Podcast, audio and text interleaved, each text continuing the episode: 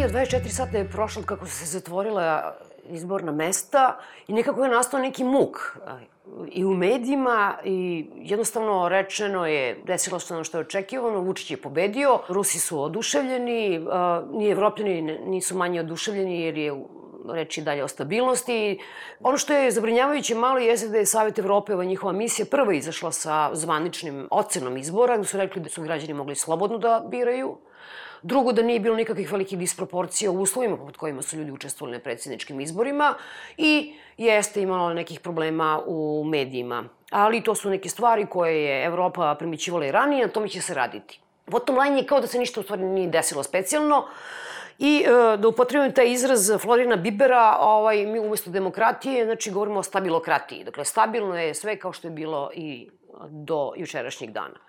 Mi za početak imamo problem, ali baratamo nekim ciframa, Vesna, a vas prvo da pitam, koje su nekako ušle u opticaj, a to je da je izlaznost mala, da je Vučić ubedljivo pobedio 55, 56, 57%, Da li mi ovog trenutka znamo koliko ljudi izašlo? Da li mi uopšte znamo koliko je on dobio glasova? Kratko rečeno, ima verovatnoće da Vučić ima preko 50% glasova, ali osim te verovatnoće i pobeda je proglašena na osnovu nagađanja, dakle na osnovu rezultata koji su dobijeni uh, sa uzoraka. Ja sam trenutno članica Republičke izborne komisije i živim u uverenju da je utvrđivanje rezultata izbora brojanje, a ne nagađanje na osnovu ovakvog ili onakvog uzorka. I to je ono o čemu još nemamo pojma. Mogu da vam dam nekoliko primera. E, prvo, mislim da je vrlo bitno izaći sa apsolutnim brojevima, što se do sada nije učinilo.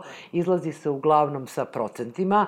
Na osnovu tog procentualnog izveštavanja o procentima, mi sada baratamo sa izlaznošću koja se kreće između 53 i 56%. Kad budemo znali koliko je miliona, stotina, hiljada ljudi izašlo, onda taj procenat neće biti teško izračunati, ovaj, kada se uzme u obzir koliko imamo birača. Ali mi ne znamo tačno ni koliko imamo birača, zato što je Republička izborna komisija, uprkos protivljanju nekolicina nas i traženju objašnjenja, proglasila da se biračko telo Srbije sastoji od 6 miliona 724 i e, ne znam tačno ove poslednje brojke, hiljada stanovnika. S obzirom da Srbija ima 7 miliona stanovnika, za nekoliko nas u Republičkoj izbornoj komisiji je bilo zagonetno otkud to da Srbija Srbija ima tako malo maloletnih lica, jer oni uglavnom nemaju pravo na glasanje, ali mi neki razuman odgovor u koji bismo mogli da se pouzdamo nismo mogli dobiti. Ja sam svesna da je popisom obuhvaćeno i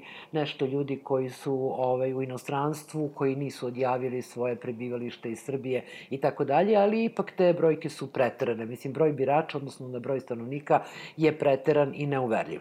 Da se vratim sada na rezultate izbora. Dakle, mi nemamo podatke o tome koliko je ljudi u apsolutnim brojevima izašlo na izbore, koliko e, se e, glasačkih listića, bez obzira da li su važeći ili nevažeći, nalazi u glasačkim kutijama, jer to je bitno za ocenu da li su izbori završeni u prvom izbornom krugu ili ne, budući da kandidat da bi bio predsednik posle prvog izbornog kruga mora da ima 50% plus jedan glas od izašlih, a ne samo važećih glasova, a kao izašli se po tom istom zakonu, smatraju oni glasovi koji su jednaki broju listića koji se nalaze u kutiji. Recimo, taj početni podatak nemamo.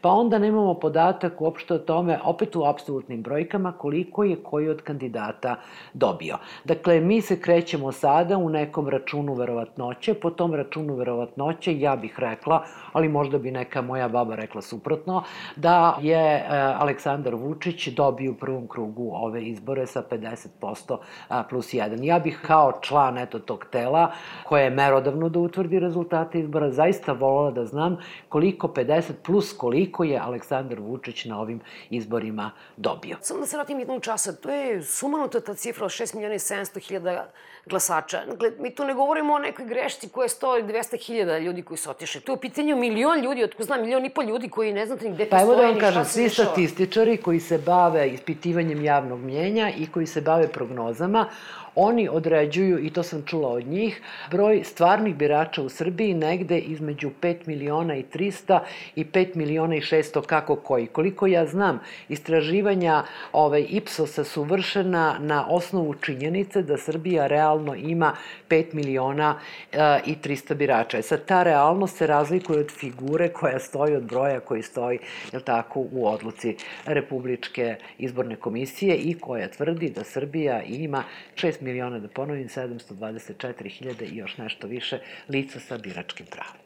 Ali je moguće da mi nismo u stanju da napravimo, da preborimo koliko ima ljudi, da napravimo izbornu administraciju kako treba. Mislim, što će da kaže Indija koja ima milijardu birača, mislim, ili Kina, ako mi nismo u stanju ovo da uradimo. Da li je to, po vašem mišljenju, nesposobnost, namenjo, namerno organizovani haos? Ja mislim da je to jedan organizovani haos, ali uopšte ne odbacujem ni tu mogućnost da a, naši administrativni kapaciteti uopšte ne dobacuju do toga da mogu da naprave pre svega da relevantan birački spisak, jer to uopšte administrativno i tehnički uopšte nije tako jednostavna stvar.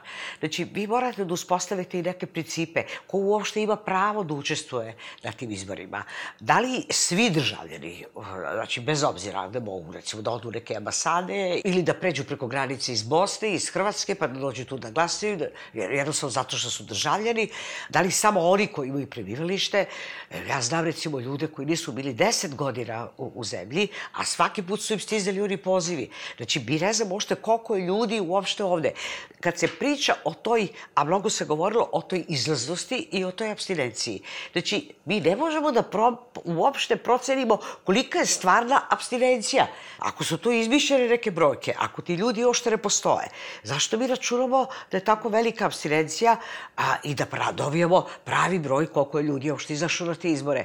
Tako da, ta priča, ajde da podignemo e, izlaznost, e, je smešno. Znači, sve ono što smo slušali, ako mi stignemo do 4 miliona, ne znam, do 60% izlovi, mi ćemo ga spustiti ispod 50%, međutim, mi ne znamo ni kolika je tu abstinencija, ni koliko je to u stvari birača, ni, ni šta su u stvari ti abstinenti, to je jednostavno sve, sve potpuno nejasno. Znači, ja bih to pripisala što se između tih izbora uopšte i ne radi na tome da se tu napravi nekakva, nekakav red, ko su ti birači, I mislim da mi sad uvek možemo da nagađamo da li je ovako ili onako, ili kao što rekla Vesna. Pa dobro, po svemu ono sudeći kako izgledala i ta kampanja i koliki je bio pritisak, bilo bi nam i čudo da nije on pobedio na tim izborima. Drugo, tu je bila jasna, ogromna kupovina glasova. To je bio pritisak na ljude u Durtu Duveća. Potpisivali su se spiskovi. Da ne govorimo o tim bugarskim vozovima, o svemu i svačemu. A da ne govorimo o medijskoj prezentaciji, pljuvanju ovih drugih kandidata. Mislim, sve je to bilo potpuno neregularno i kad se sve ovo uzme u obzir, ja moram da konstatujem da smo mi došli u situaciju da ono što smo izborili tog sada već prokazanog 5. oktobra, a jesmo tada izborili bar tu prvu stepenicu demokratskog razvoja, a to da izađemo iz situacije da neko krade izbore, da donosi sa Kosova neke lažne, još na prvim izborima 90. godine, gde su dobili da je Milošević dobio veliki broj glasova sa Kosova. 104% u Jeste. Kad smo to prekinuli tu praksu i ja moram da tvrdim tvrdim, dalje bio Koštunica, dalje bio Tadić. Nije postojala uglavnom nikakva sumnja da su ti izbori bili relativno demokratski i da nije niko imao ni nameru da, da, proizvodi ovakav haos, a naročito ovakvu neravnopravnost u pogledu, u pogledu izbora. Od toga kad su došli ovo što mi zovemo neoradikali, oni su postepeno, polako, praktično ukinuli u Srbiji a, demokratske izbore. Mi sad u stvari imamo ono što se nekad u Meksiku zvalo demokratura. Znači, vi ste imali jednu veliku stranku, pri se zove to u Meksiku, koja je 70 godina. Sve je bilo, i Pemex, i državna preduzeća, i feministički pokreti, sve je bilo po tom jednom ogromnom hegemonom strankom. Postojale su i druge stranke, nisu bile zabranjene, ali nemaju nikakvu šansu da pobede. Znači, 70 godina su pobeđivali, tako da mi se čini da u ovom momentu mi praktično imamo vlast, eh, kao što smo i nekada imali, i da smo u stvari došli u neku vrstu ponovo jednopartijskog sistema, pogotovo što na ovoj drugoj strani, ono što se, što se zvalo opozicioni kandidati, neki su bili lažni opozicioni kandidati, neki su bili stvarno opozicioni kandidati, ali i ti koji su stvarno bili opozicioni kandidati, mi možemo da vidimo da to nisu bile nikakve stranke koji reprezentuju nekakve društvene interese, da su ono uobličene, nego su to sve bile grupe građana, iz čega ja zaključujem da smo mi tek na možda na nekom početku višepartijskog sistema, da imamo sada neke organizacije nedefinisane GG grupe i vlast. E, pa mi smo i za vreme Tita imali neku da. sličnu situaciju gde smo imali već nekakve grupe koje su tu postojale, i opozicione i tako dalje, disidentske, ali nemamo uobličen uopšte više više partijski sistem i ja mislim da je taj višepartijska politika, da tako kažem, kod nas doživjela bankrot. Ja sam kao većina ljudi, pretpostavljam, koji su čekali rezultate glasanja sedeo ispred televizora i čekao da mi se neko obrati. I rutinski sam preskočio sve kanale, dakle, Televizija Srbije, B92, prva televizija, ove druge i, i ne okrećem više, jer nekako sam video po tome kako su postavljeni ljudi, ko su bili sagovornici, kako je prezentovan u prvih pola sata, kako su prezentovane te informacije, meni je bilo jasno da se nešto namešta poučen iskustvom iz 2016. kada smo takođe čuli da su, ne znam, ovi ispod cenzusa, da su ovi otišli ne znam koliko i to je trajalo sve do ponoći, pa se onda negde od ponoći do jutra promenila ta situacija. I kad sam video kako oni, prva informacija je bila 60%, onda je ta, ta, taj broj polako padao, Ali sve vreme sam čekao da mi neko kaže, čekaj, koliko ljudi izašlo? 60% od čega? 57% od čega? 55% od čega? Toga nije bilo. I onda sam probao na N1, recimo, da idem da vidim šta je tamo. Međutim, N1, ne znam kako je vaše bilo iskustvo. N1 nisi, tako je, nisi mogla da dođeš do N1. Međutim, taj kanal je bio prosto ometan. Nije bio valjda potpuno ugašen, ali je bio ometan. Nisi mogla preko interneta, nisi mogla preko te kablovskih tih operatera, nisi mogla da dobiješ njihov signal. I onda mi je nekako sve to delovalo vrlo haotično i onda sam rekao, dobro, znamo kako to izgleda, ajmo čekamo ponoć da prođe to njihovo slavljenje, pa će onda valjda neko izaći sa tim rezultatima. Ako se ja ne varam, iz demokratske stranke u 3 sata ujutru stigla preko Twittera, što je mene izbezumljuje, da mi sad imamo društvene mreže kao izvor pouzdanih informacija. Izašla iz demokratske stranke vest kako zapravo pada procenat glasova. Jeste, to sam ja videla. Pada procenat glasova, u 3 sati i 10 minuta je bilo, Vučić je bio na 50 zarez nešto, a Janković je išao preko 20. I to je bilo u 3 sata i nešto. I ti sad prosto moraš malo i da spavaš, pa kao ustaneš ujutru i odmah ideš... A nema da- ništa. Da, i opet nema ništa. Nema ništa. I sad ja sam tražio rezultate koje daje RIK, jer mi je to kao bilo pouzdano. Kao, ajde, oni moraju da broji sve. I evo sad, pitao sam Vesnu, pošto je ona bila tamo, rekao sam, pa čekajte, ali je izašao sa nekim podatkom od 97% pregledanog izbornog materijala i Vučić je i dalje tu na 57%. Pa mi je Vesna rekla, ja vas molim da sad to kažete ovako, da tih 97% nije ono što sam ja mislio 97%. Dakle, šta je... Čega je, je to 97%? Da. Evo, polako. Meni je vrlo teško da kažem čega je postao.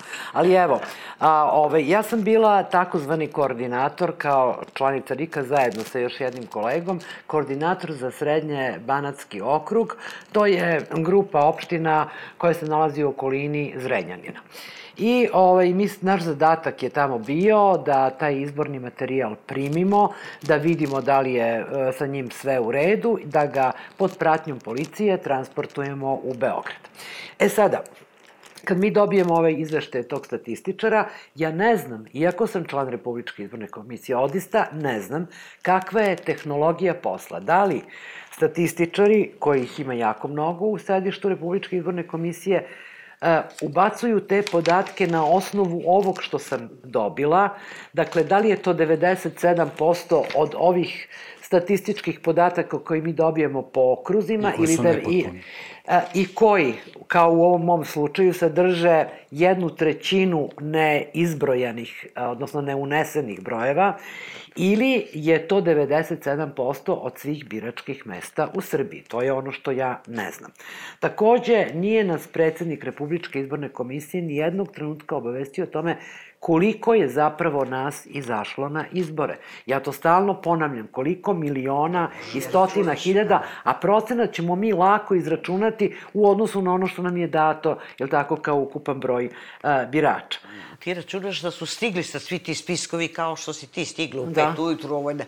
I sad vi možemo da očekujemo da u stvari ne znamo šta su oni nama do sad saopštavali. Ako oni nemaju taj da. materijal. Tako znači, je. oni tek treba da stigne u dakle, taj RIK ja i da vidimo ne znam, šta ali ja mogu brojevi. da pretpostavljam da RIK, isto kao i druge statističke kuće, ima iz Republičkog zavoda, za, da Republički zavod za statistiku zapravo ima svoj sobstveni uzorak. Vi ste videli uh, razne izveštaje. Da. Ja recimo znam da Crta ima uzorak od 450 biračkih mesta. Budući da sam ja bila u štabu i zastupam zapravo Sašu Jankovića, mi smo imali uz, uzorak od 600 mesta. Ja znam da je Ipsos imao uzorak od 1500 mesta, da je Demostat imao uzorak od 1200 biračkih mesta.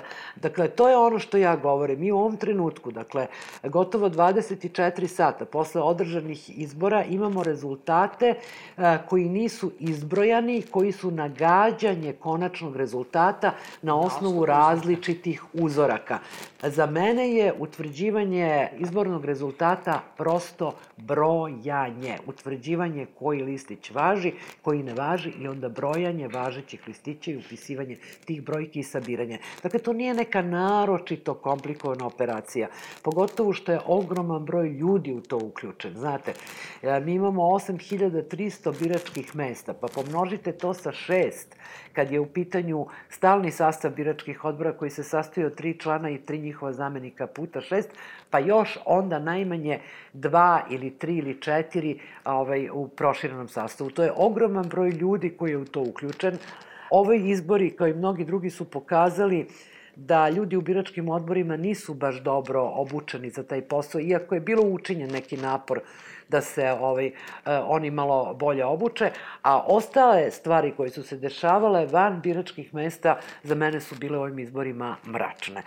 Čula sam i dobila dokaze, bilo u vidu fotografija, bilo u vidu video snimaka, o velikim razmerama onoga što se zove izborno podmićivanje, ovaj, kupovina zapravo glasova. Mi smo dobili jednu fotografiju jednog mesta sa severa Vojvodine, na kojoj se vidi čovek koji je identifikovan kao službenik e, uprave carina koji na jednim kolima drži spisak i deli ovaj, ljudima koji se tu pojave određene sume novca. Kako će se sa tim prijavama za ta moguća krivična dela proći pred tužilaštvom i sudom, ja uopšte ne umem da vam kažem, ali naravno da ima ljudi koji su dovoljno uporni, ja spadam među njih, koji će to pratiti, pa ću u nekom trenutku... Pa dobro, da li možemo komparativno nešto da saznamo? Da li recimo kad postoje, sad su skoro bili američki izbori, da li oni odmah pute, toku te noći su na osnovu uzorka rekli ko je pomenio ili su prebrojili glasove? Recimo u Americi su izbori dosta, dosta dugo, brojanje glasova dosta dugo traje. Zato što oni imaju, ovaj, kakav je sistem glasanja zavisi od savezne države. Negde imaju elektronske glasove, negde imaju one sa ubadanjem, da. negde imaju sa ručnim brojanjem, osnovno da. na Floridi, svi da. se sećamo kad je trebalo Bush da bude predsednik koliko se dugo brojalo, ali ovo je mala zemlja. Ovo je relativno malo biračko telo i mora da postoji način da se svi ti glasovi izbroje za nekih 4 ili 5 sati pošto postoje u regionu takve zemlje.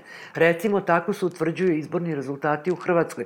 Oni daju uzorke, ali njihova komisija na čijem čelu je predsednik Vrhovnog suda, ovaj, ima dosta dobru administraciju koja relativno brzo utvrđuje stvarno stanje, javlja te izborne rezultate bez donošenja papira i onda se pokaže da su 99,9 slučajeva ti izborni rezultati javljeni tačno mi izmišljamo e, razne procedure i formalizme e, da bismo zapravo e, na neki način opravdali sami sebe, a na drugi način kroz ove meni nejasne brojke tih biračkih mesta koje nisu dobro obrađena, možda čak i nešto manipulisali. E, bojim se da su sad u pogledu te izborne administracije naši izbori zapali jedan sitničavi formalizam koji od nas vrlo dugo krije suštinu stvari koje nas sve kao politička bića interesuje, a to je, brate, koliko je ko dobio glasova tačno u jedinicu. To mi ne znamo. Da li ćemo imati večera sednicu, kad ćemo imati, a nikad ne znamo šta imamo na dnevnom redu.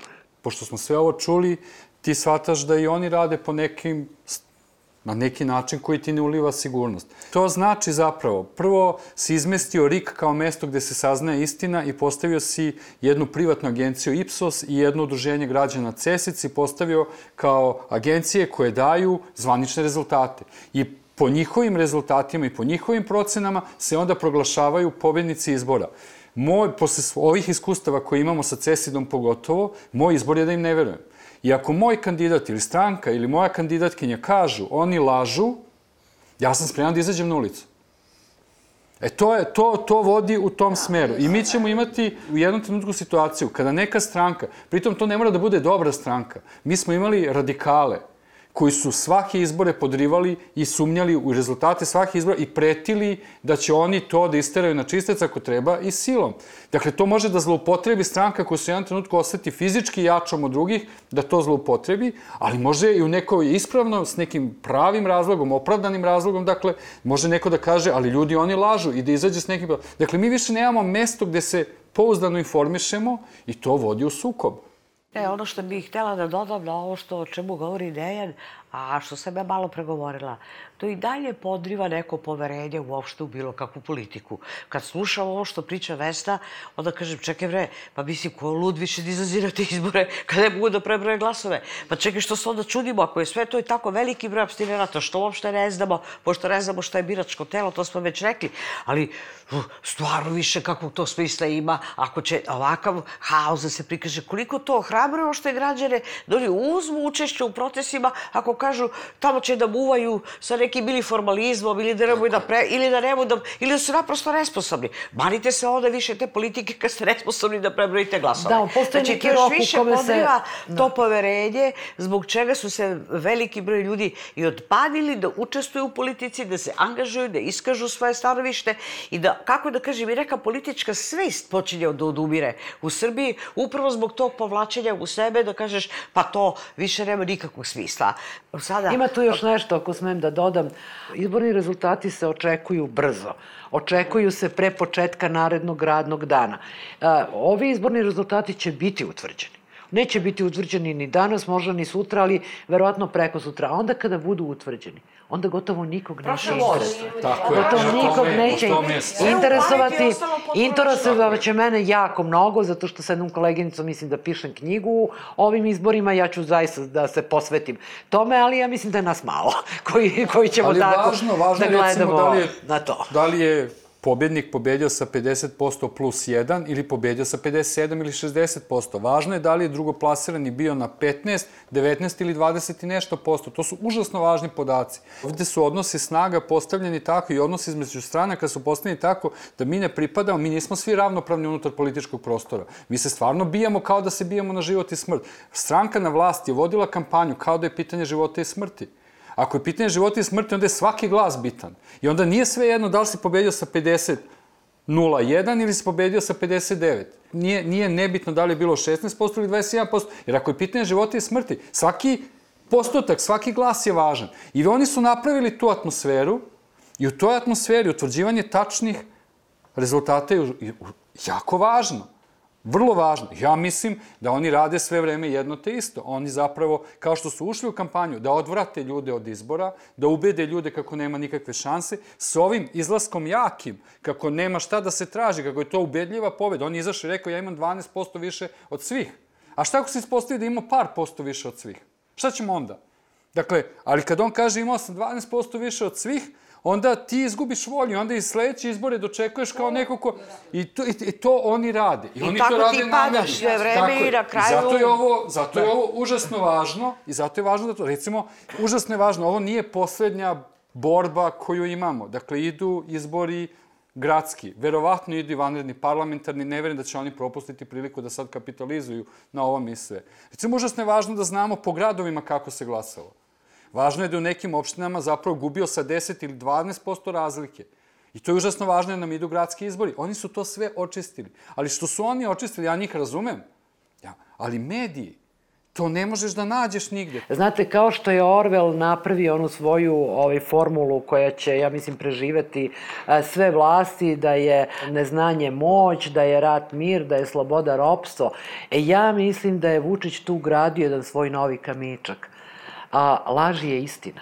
Jer zapravo ono a, putem čega se ovde vlada, to su mediji i to oni mediji koji su sračunati na to da prenose lažu, lažne lažu, vesti lažu. ili da prećutkuju ono što ni jedan relativno normalan medij ne bi prećutao. I nekako kao da između njih, makoliko različiti međusobno bili, postoji neki prećutni sporazum, e sad ovo zatrpavamo, ovo više nije vest, Tako. on je pobedio, oni su svoje proslavili Idemo i sada se da, nećemo da. baviti tim analizama i te analize ostaju za tako neke nastrane profesore koji koji će napisati neke knjige koje niko neće da čita.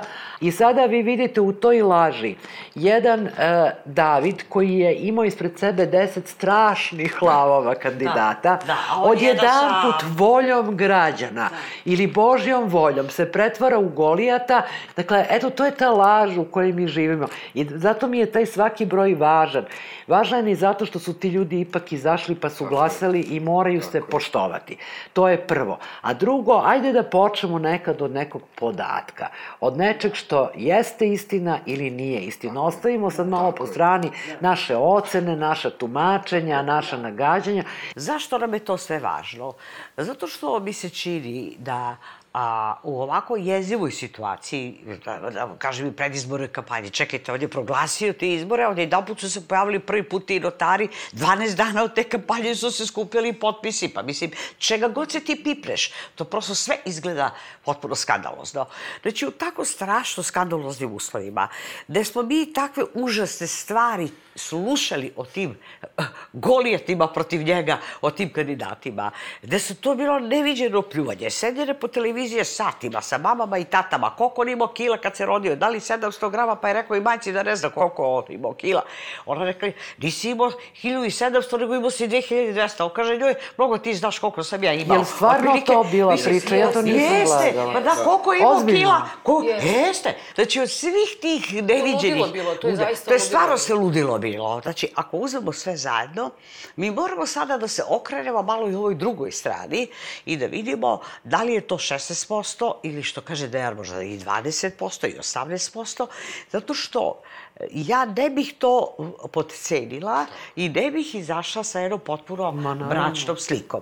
Jasno je to da je ovde ogromno nepoverenje prema političarima, a vlast uliva poverenje, zbog čega? Zato što a, naša socijalna struktura je takva da ta većina obitava u tom strašno osiromašenom, neobrazovanom narodu, u tim, kako da kažem, i ruralnim sredinama, koji ako može nešto da dobije, on može da dobije od vlasti. Znači, samo postoji vlast, znači ta, ta podela vlast i narod, ona se nekako sad u stvari ispostavila, međutim, ipak u toj podeli su određeni građani koji, nažalost, nemaju mnogo veze da uđu u to drugo biračko telo na koje računa Vučić i gde se verovatno i krije ta većina sada u Srbiji. Ali ako bi gledali sada taj deo, ja mislim da to nije loš rezultat. I to da, je veoma dobar rezultat. To je veoma dobar je rezultat. Dobar. Videla sam da su mnogi ljudi to ocenili kao izrađujuće dobar rezultat, pa dosta veliki broj građana se prilično aktivirao. I mislim da taj neki angažman treba da bude nekakav, nekakav sad put, kao, kojim putem nekako ići dalje i videti šta tu može da se uradi, kako da mi o, o, planiramo i te beogradske izbore koji dolaze, verovatno i parlamentarne izbore, i kako da otklopimo taj prokopac tog zaklopljenog političkog života upravo preko ovih glasova koji su dobijeni preko a, kandidata Saše Jankovića. To je sve sve, sve u svemu uh, jako dobro izgledalo. E sad je pitanje šta mi s tim da radimo i zato nam je strašno bitno da, da preko te, tih činjenica, kad se uhvatimo za činjenice, da na tim činjenicama počnemo da gradimo nešto što će se izaći iz tih laži u kojima danas živimo. I da nema u stvari razloga ni za kakvu depresiju, s obzirom da mi znamo kako se došlo dotle i da je u stvari to bila jedna fair i normalna izborna kampanja, da smo bili debate, da to možda uopšte ovako ne bi izgledalo, da bi on te izbore možda čak izgubio. Ja mislim da je Saša Janković imao herojsku kampanju u tom smislu što je kampanju potpuno usmjerio ili na rad na terenu, dakle, to što se zove od vrata do vrata i na društvene mreže, internet i ostalo. Šta se pokazalo? Pokazalo se ipak da u Srbiji najveći broj ljudi i dalje je a, a, veran ili o, mišljenje oblikuje prema informacijama koje dolaze iz takozvanih tradicionalnih medija. Yes. I to je, I to je prva stvar. Dakle, moraju da se oslobode mediji.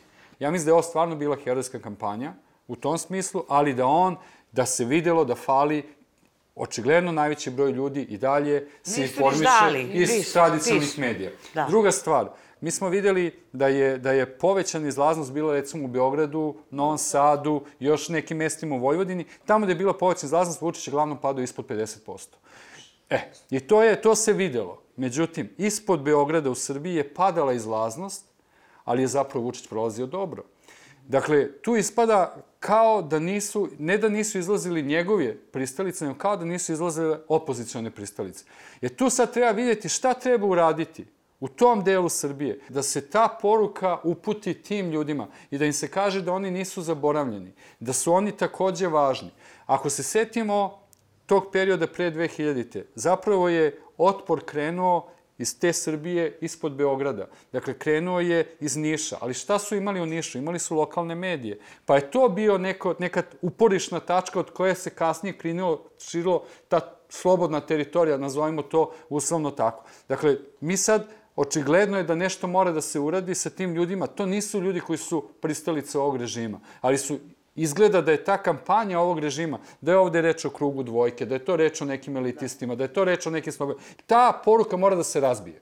Mora da se kaže vi ste važni, svi smo jednako važni, ljudi žive ovde i ljudi žive tamo i svi imamo neki zajednički cilj i mora da se obrati njima. I to mora da se radi očigledno i tom kampanjom na terenu, ali mora da se radi preko ovih tradicionalnih medija.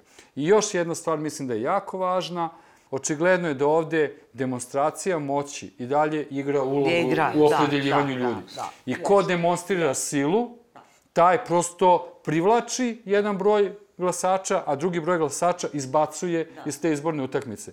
Mora da se smisli način. Nema skromnosti. Saša Janković imao herojsku kampanju, ali je bila skromna kampanja. Nema skromnosti. Mora da se demonstrira sila. Mora da se kaže mi Snaga, imamo... ja bih bolje je rekla snaga. Snaga je bolje. ste, Snaga, jer bez te snage ne možemo ništa da. I samo Dakle, da podsjetimo, snaga da radi se- ovo Dejane kad ste pominjali. Čak i kad je bio 5. oktobar i oni znači 2000. godine kad je bila promena vlasti. Bez Kolubare, samo da vas podsjetim, bez, je. bez rudara. Ništa ne bi bilo. Znači, ušlo se u taj deo biračkog tela. Pa ta Kolubara, pa je Sibanović u sudija koji je bio bir. Znači, ušlo se u taj deo biračkog tela, ne može bez toga. Znači, to je Da, potpuno, sad to je Deja napravio o, dobru To poentu. meni izaziva nekoliko pitanja. Ja se slažem za jednom potpuno, mislim da je to bila jedna zaista herojska kampanja. Bila je kampanja koja je probudila energiju i koja je isijavala tom energijom, ali to nije snaga. Ima tu još nekoliko objašnjenja a, ovaj, za, a, tako da kažem, taj centralni deo Srbije, Šumadija, pa malo u proširenom smislu reči.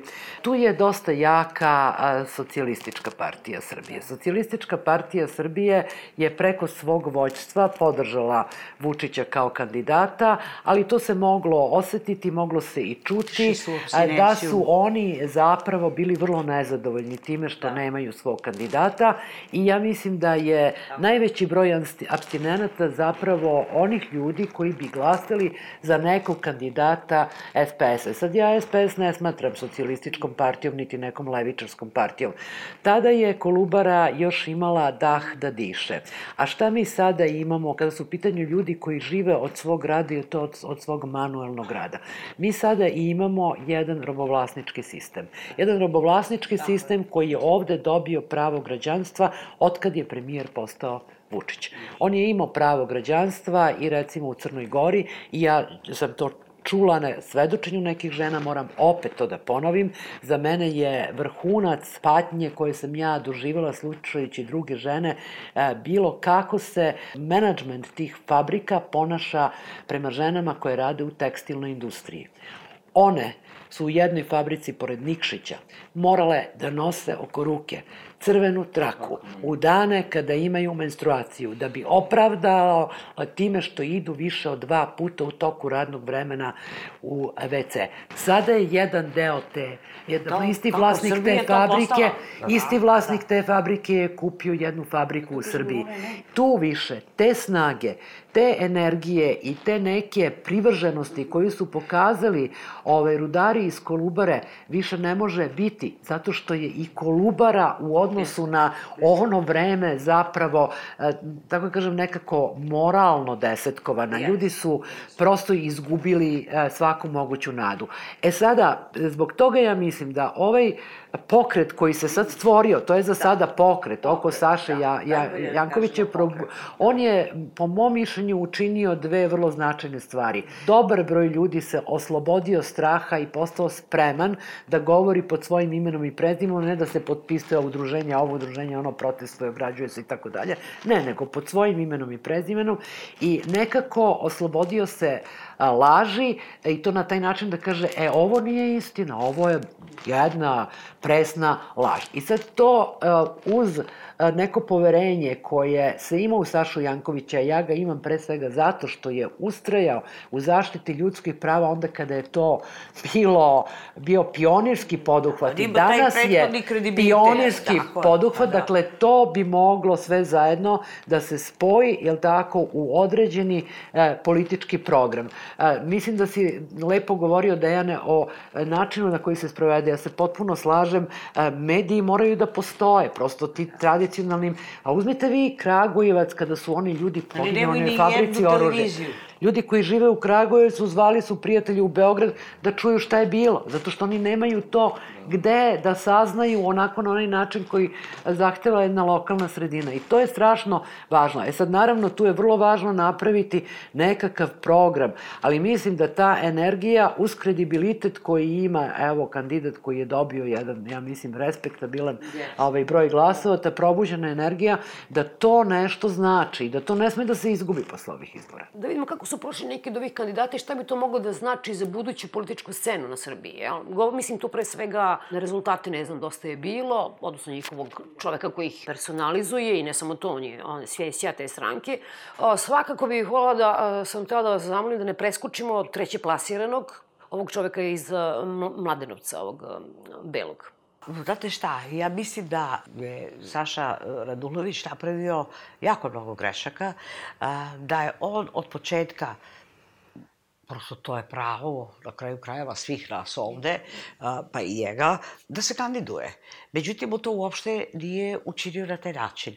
On je zavlačio prvo veoma dugo, kog od ta dva kandidata koji su se nekako sama na tu pozornicu postavili. Znači, neke smo malo i mi izvukli, Sašu koji je već imao određeni kredibilitet i tako dalje, oni su se sami tu pojavili i počeli da, da imaju nekakav, neke procente koji su bili dosta relevantni.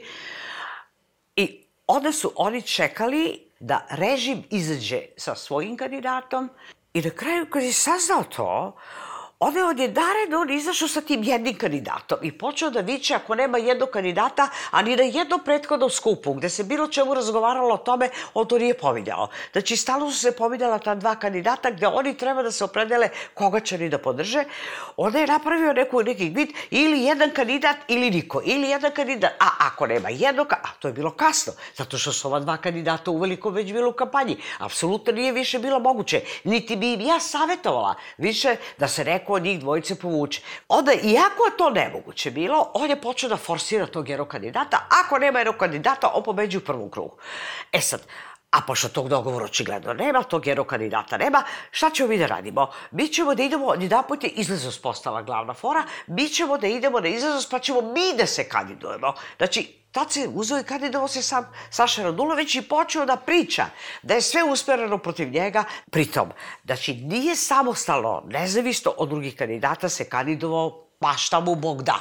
Ne, nego je gledao da što može više ošteti pre svega Sašu Jankovića, gađajući na neki način demokratsku stranku, što je za mene bilo potpuno neshvatljivo. Znači, on se borio protiv drugih kandidata i drugih stranaka, a prilepio se za pe Preletačevića, verovatno ne znam iz kojih razloga, kao on će povećati tu izlaznost, međutim, pokazalo se da sve što je odgovorio, a govorio je i da ima 15%, govorio je da Vučić izgubio, ne znam, da ima 30%, da je izgubio znam koliko glasova. Mislim, onda je rekao za to sve što je on izgovarao da će podeti odgovornost, međutim sad to je otresao, kaže ovako, sad otresujemo prašinu, idemo dalje, a odgovornosti uopšte nema. Znači, ja mislim da ta stranka a, koja je na neki način mnogima ulivala određeno poverenje, zato što su oni nastupali upravo koji jedina stvar koja je njima najvažnija, to je transparentnost i kredibilitet. Mi nismo ti ljudi iste drljave, prljave demokratske stranke, ove ili one, mi smo svi novi ljudi, ostvareni u svojim karijerama, mi smo pošteni, mi smo kredibilni, mi hoćemo uvedemo red i tako dalje. Međutim, pokazali su se kao neodgovorni, da su lagali, da se nisu a, ponašali uopšte tako da se bore samo protiv Vučića, nego su imali, a, možda su se psihološki borili, ali njihov rezultat je u stvari porazan. I sad, naravno, ja ne znam šta će biti sa tim pokretom, ali on je, ako ništa drugo, u, u javnosti, bar ovoj koja ima nekakve političke, političko interesovanje koje to prati, oni su u potpunosti izgubili svako poverenje, bar kad je reč o meni. Ja sam na neki način ih i uvažavala, ali više nema nikakvog razloga da tako jedan pokret koji je, kažem se, izblamirao na ovim izborima bude više uvažavan. Što se tiče, sada tu imate Vuka Jeremića, što je poenta? Mi moramo da znamo čiji su to glas, glasovi. Njih je podržao Boris Tadić, da li su oni neki glasovi Borisa Tadića, da li su to glasovi nekog SPS-a, da, da osnovu čega će on dalje, recimo, kaže, ostaje u politici, DSS-a, da, da, DSS-a, a drugo možda i DS-a, neko se opredelio iz DS-a za Vuka, za Vuka Jerebića, on, znači, očigledno je izjavio da se neće povući, da će ići dalje, znači, vjerovatno na neko formiranje političke stranke, međutim, mi ne znamo ko su ti glasači, jer to može da se potpuno rasprši. Nama strašno mnogo nedostaju neka sredstva da se prave detaljni istraživanja, da malo pojačamo i političku svest i da malo povećamo saznanje o samima sebi. Pa na kraju krajeva da pomenem i Belog Preletačevića, ko su ti ljudi koji su za njega glasali. Zato što u situaciji koju ja ocenjujem katastrofalnom, jer kad govorimo i o medijima o kojima su malo pregovorili i, i Dejan i Vesta, takava devastacija medija nije bila za vreme Miloševića. Mi ne možemo da znamo zašto u takvoj situaciji da je nastao, kako da kažem, tako reći, biti ili ne biti, da ljudi idu toliko velikim brojem u neko protestno glasanje. A, to je mene zabrinulo da li ćemo mi uopšte više imati nekakvu politiku, da li ljudi uopšte žele da mi imamo bilo kakvu političku delatnost izuze vlasti. To je znači taj simptom koji sam ja primetila i koji na neki način treba raditi na tome da se ljudi osveste ako hoće da učestvuju u politici, da probamo da stvaramo zaista nešto u što ljudi mogu da imaju poverenje i da povratimo poverenje u politiku umesto neće Beli Preletačević moći da nas oslobodi ovakvog jednog užasnog sistema. I taj, taj, ta antipolitika koja je meni razumljiva, ali mi moramo istog čorsoka kada izađemo. Ja ne znam, sinoć, jeste, kad je on rekao ja idem u Mostar, ne znam da li ću da ko predsednik Republike ili ko predsednik vlade. Njemu sve jedno. Ne, ne, e, pa to, i tako, i drugo, tako on, tako on vidi, tako on vidi institucije, tako on vidi. I mi sad tu nemamo šta, to prosto vidiš kako to funkcioniše I to je to. Ja e, razumem i da nekog zanima šta će biti sa Dosta je bilo, razumem i, i, i, i, i taj fenomen, jeli, iz Mladenovca, za koje inače mislim, e, ne sumnjam u iskrene namere, ne sumnjam čak ni u dobre namere, ali mislim da je Luka e, Maksim. Maksimović. Da, ovaj, mislim da, da, da je on bio zloupotrebljen I mislim da je ovaj rezultat koji je napravio, napravio tako što mu je neko dao vetar u leđa. On je dobio mnogo veći prostor u medijima nego što su dobijali drugi kandidati i nije imao negativni predznak. Njegova prezentacija u medijima nije išla sa tim negativnim predznakom kao što je išla prezentacija drugih u tim tradicionalnim medijima. Čak je probali su od njega da napravi neku vrstu estradne ličnosti, pa su krenuli priče o njegovoj devojci, pa ne znam. Znači već je počeo da ulazi na taj način u taj prostor i odmah su krenule istraživanje javnog mnjenja koje su ga od prvog trenutka gurala da, da. jako visoko. I da je dakle, drugi čak. Da, on je da. dobio jak vetar u leđa, praktično njegovu kandidaturu je istog trenutka kad je obznanio kandidaturu podržao Tomislav Nikolić. Istog trenutka. Dakle, on je dobio jak vetar u leđe. Ja ne, ne kažem da je on bio nečiji agent u toj priči, ali da su ga prigrlili i podržali, to mislim da ne treba, meni se čini da je to jasno, moguće je da grešim, i on bez te vrste podrške, on nema šta da traži na parlamentarnim izborima. Prosto, parlamentarni izbori, pravljene stranke, mnogo ozbiljniji posao od ovoga kandidovanja za, za predsednika. Mene najviše brine zapravo, ili najviše strepim, ili bih najviše se radovao od nekom poboljšanju demokratskoj stranci. I, i demokratska stranka i nova stranka su se praktično žrtvovale u ovoj kampanji, praktično su se odrekle, tako je, a nisu tražile ništa za ozrad, bar ne da mi to vidimo.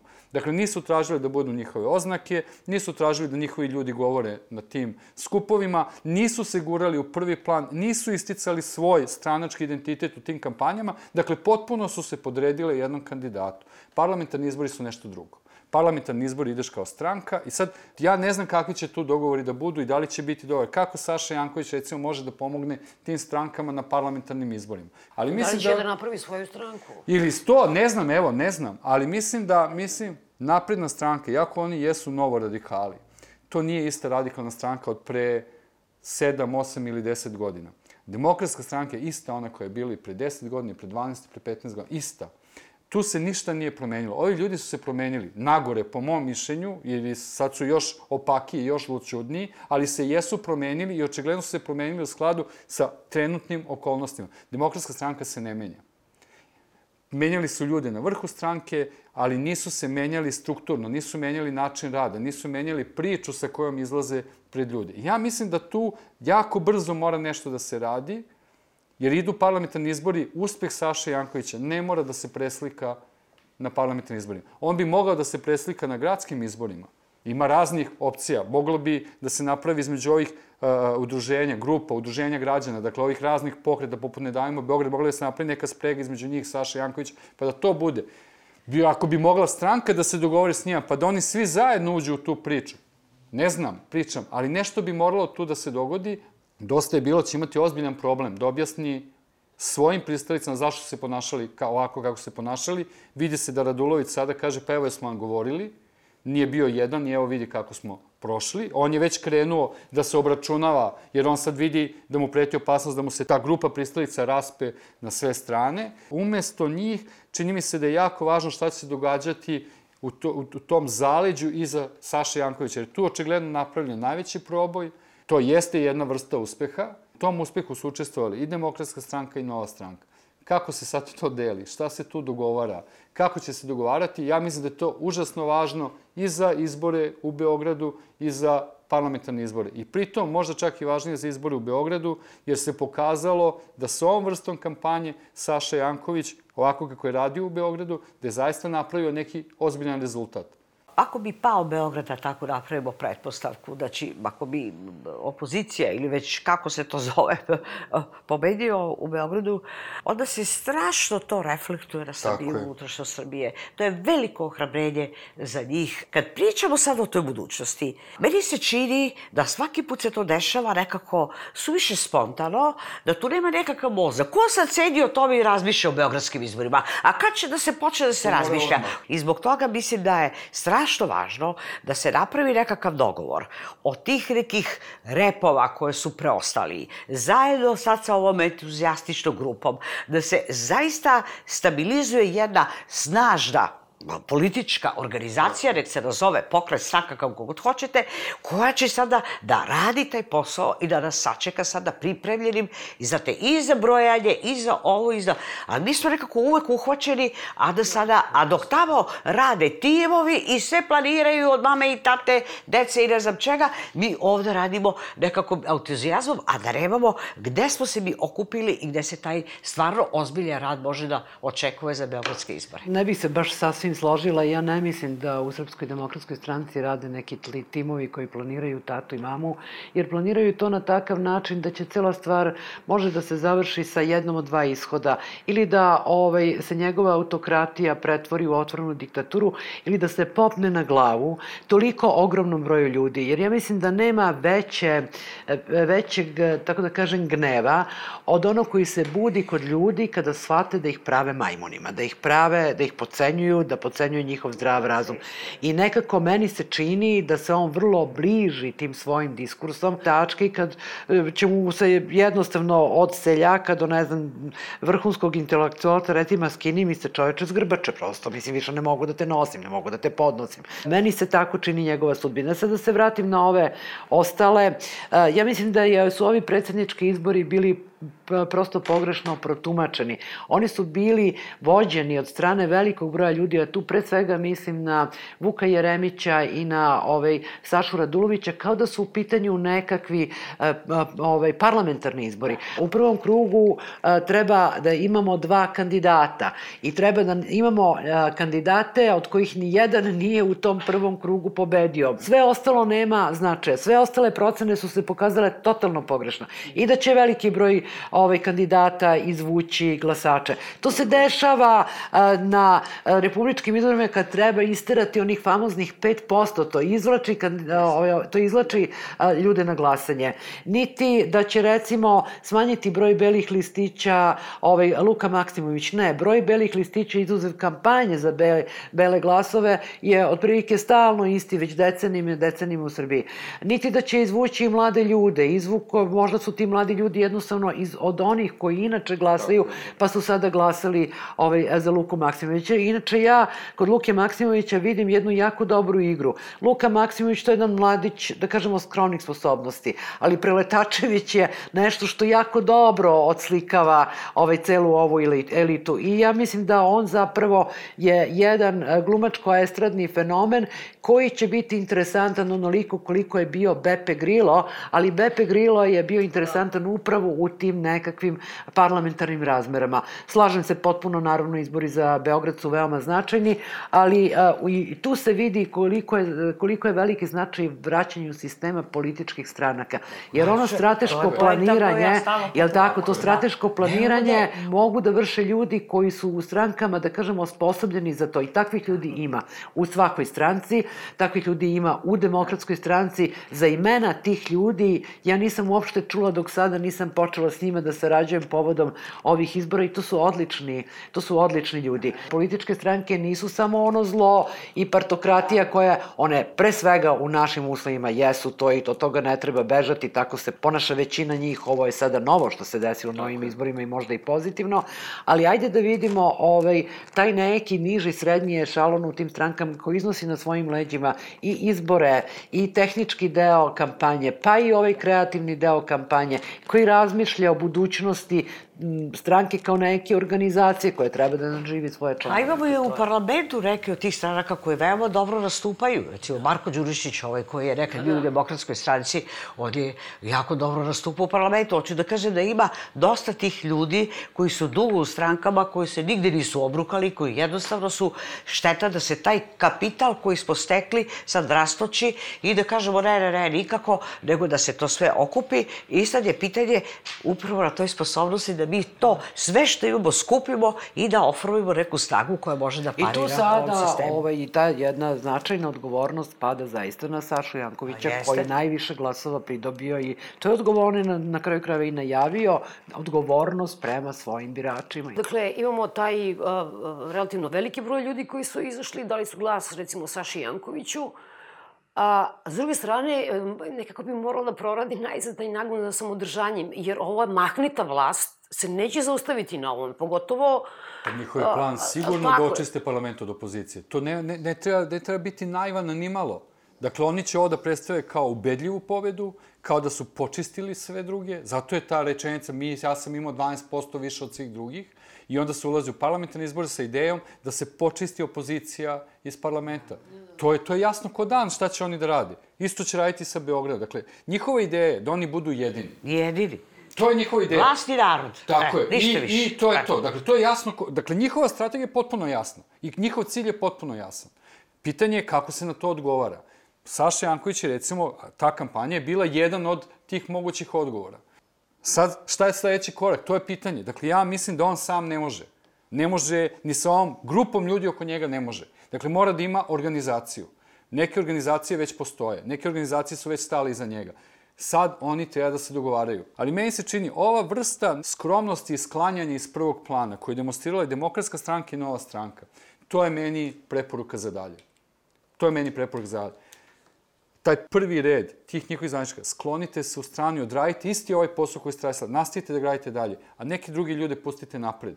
Ja bi prvo da ja dobijem rezultate ovih izbora, Tako je, tako pa kad dobijem rezultate ovih izbora po gradovima, e, onda ćemo da podelimo te rezultate među različite profesije. Ja odo da pišem knjigu o Riku, Ne, a ti onda... knjigu. Pa naravno, mora da se završi da. to sa knjigom, zašto sam ušla u celu ovu a onda ljudi od drugih struka, kao što je recimo tvoja, treba da malo analiziraju, da probaju da naslute odakle ti rezervari gla, glasova prema geografskom rasporedu. To nije tako teško, ja mislim. Bar.